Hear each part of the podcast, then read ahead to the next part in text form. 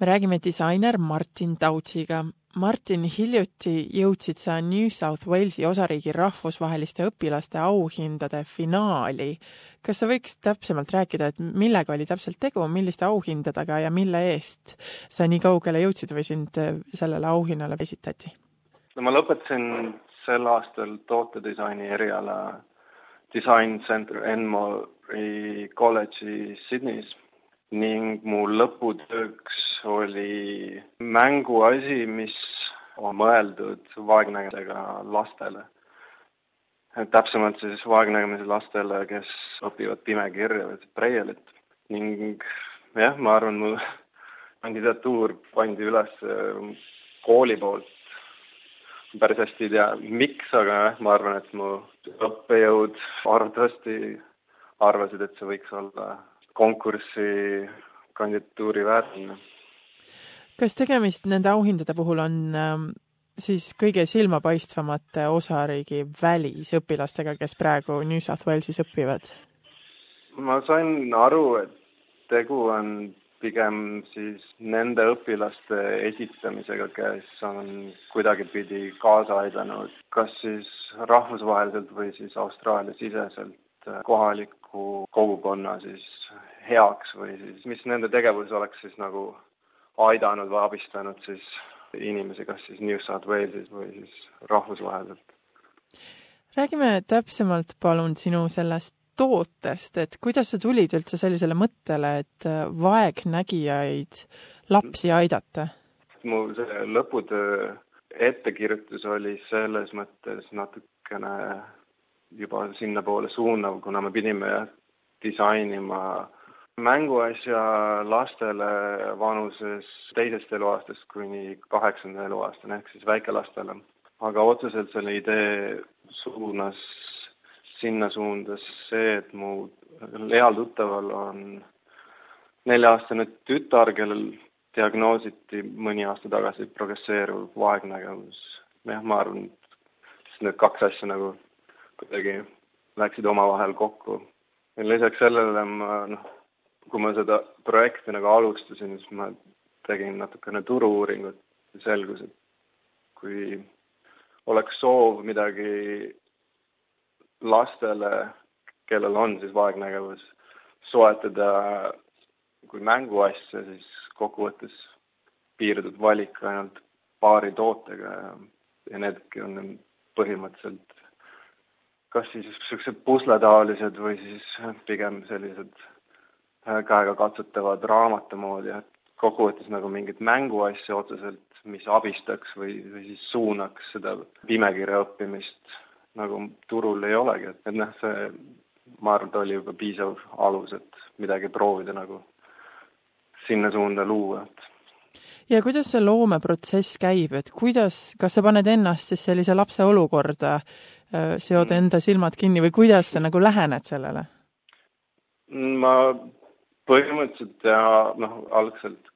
võtab natuke aega see turu-uuring ehk siis välja selekteerida, millised tooted on ja millised tooted ei ole. seejärel ma võtsin ühendust Royal Society of Deaf and Blind Children ning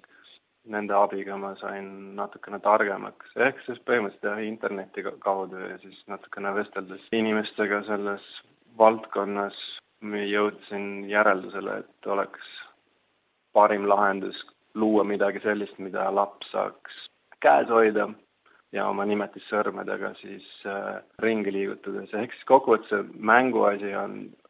kahes osas, et on selline käeshoitav raam, niisugune orgaaniline struktuur, mille külge saab kinnitada silindrikujulisi rulle ja rulli peal on siis mahutatud see, see pimekirja alfabeet ehk see tähestik. kokkuvõttes ähm, kogu tähestik mahub ära kolmele rullile, ehk siis kokkuvõttes, kui laps mängib, siis lapsevanem, kes lapse mängu siis juhendab, saab neid rulle vahetada ja iga selle punktkirja tähe kohal on siis markeeritud siis selle tähe sümbol, ehk siis lapsevanem saab lugemata, ise kui katsumata seda mänguasja näha, et, et on kas on tegu A või B või C-ga. ehk siis kui laps seda rulli nagu siis oma nimetussõrmega liigutab ja näpuga sealt pimekirjast üle käib, siis lapsevanem saab näha, et jah, praegu on lapsel näpp äh, A peal, ehk siis saab lihtsalt lapsel juhendavalt äh, kaasa aidata, eks tegu ei ole nagu selles mõttes õpivahendiga, ta on pigem midagi sellist, mida saad kodus mängeldes nagu siis korrata üle, mida oled õppinud, kui sa seda pimekirja käid õppimas oma kohalikus kliinikus või siis selles mõttes institutsioonis, kus kohas õpetatakse pimekirja lastele. ja milline on tagasiside lapsevanematelt või õpetajatelt? no praegu on kokkuvõttes tootearenduses on jõudnud sinnamaani, et see ei ole ju veel turule jõudnud, ehk siis lapsevanemaid või lapsi ei ole otseselt nendega praegu kusagil mängimas. kui ma selle projekti nagu oma kooli lõpetamisega lõpetasin, siis see toode on praegu 3D printeriga valmistatud ja on selles järgus, et võiks minna ja hakata neid tootma, kuid jah, ma arvan, praegu on lihtsalt selles mõttes raha taga asi, et sellise toote turule toomine nõuab laboratoorseid uuringuid, kuna tegu on mänguasjaga, siis seal on päris mitmeid regulatsioone nii terviseohutuse kui ka materjalide ja, ja nii edasi valiku mõttes, et see toode on jah, praegu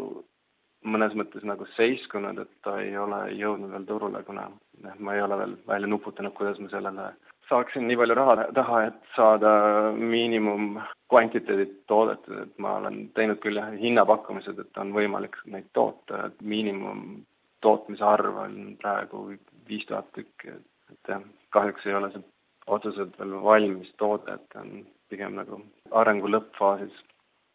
räägime veidi sinu teistest äh, disainitud toodetest ka,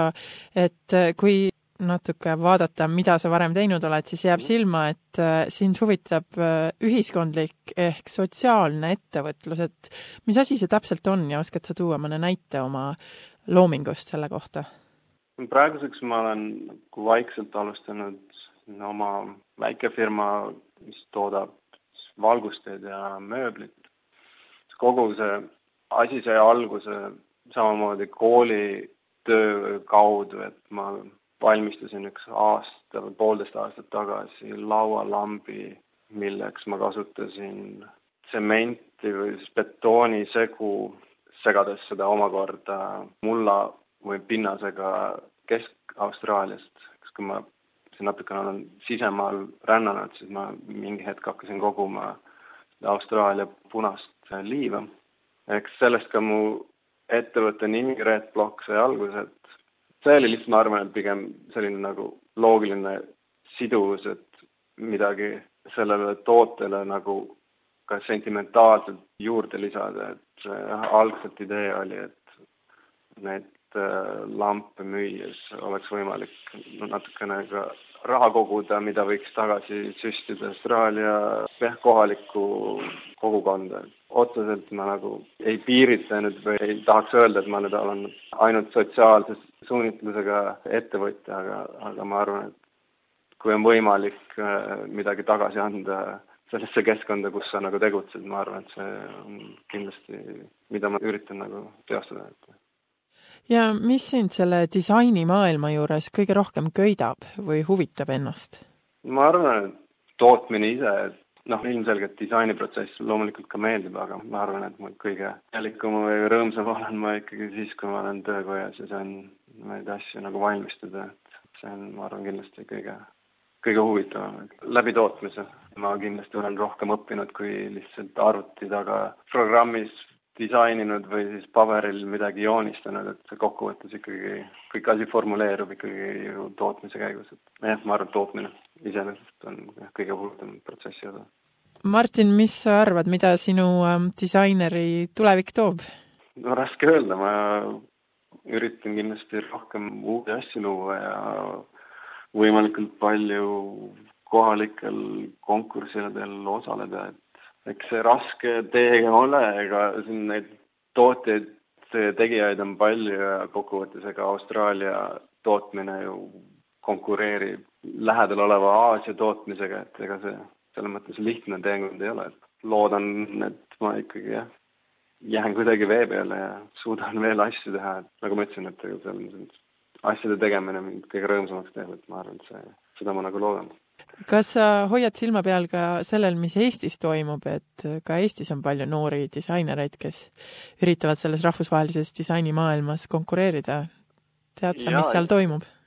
jaa, jaa ikka, kindlasti. selles mõttes, et viimasel Eesti disainiauhindadel ma samamoodi osalesin oma valgustitega, et see kindlasti, selles mõttes mul Eestis on päris mitmeid tuttavaid, kes samamoodi teevad mööblit või on siis arhitektuuri erialal tegutsevad. ja kindlasti, et selles mõttes ega noh, see, et ma nüüd Austraalias olen ja, ja võib-olla jään siia pikemaks, ei tähenda seda, et ma Eesti eluolu nagu unustanud või huvi kaotanud olen aitäh tutvustamast meile oma tooteid ja tegemisi, disainer Martin Tauts!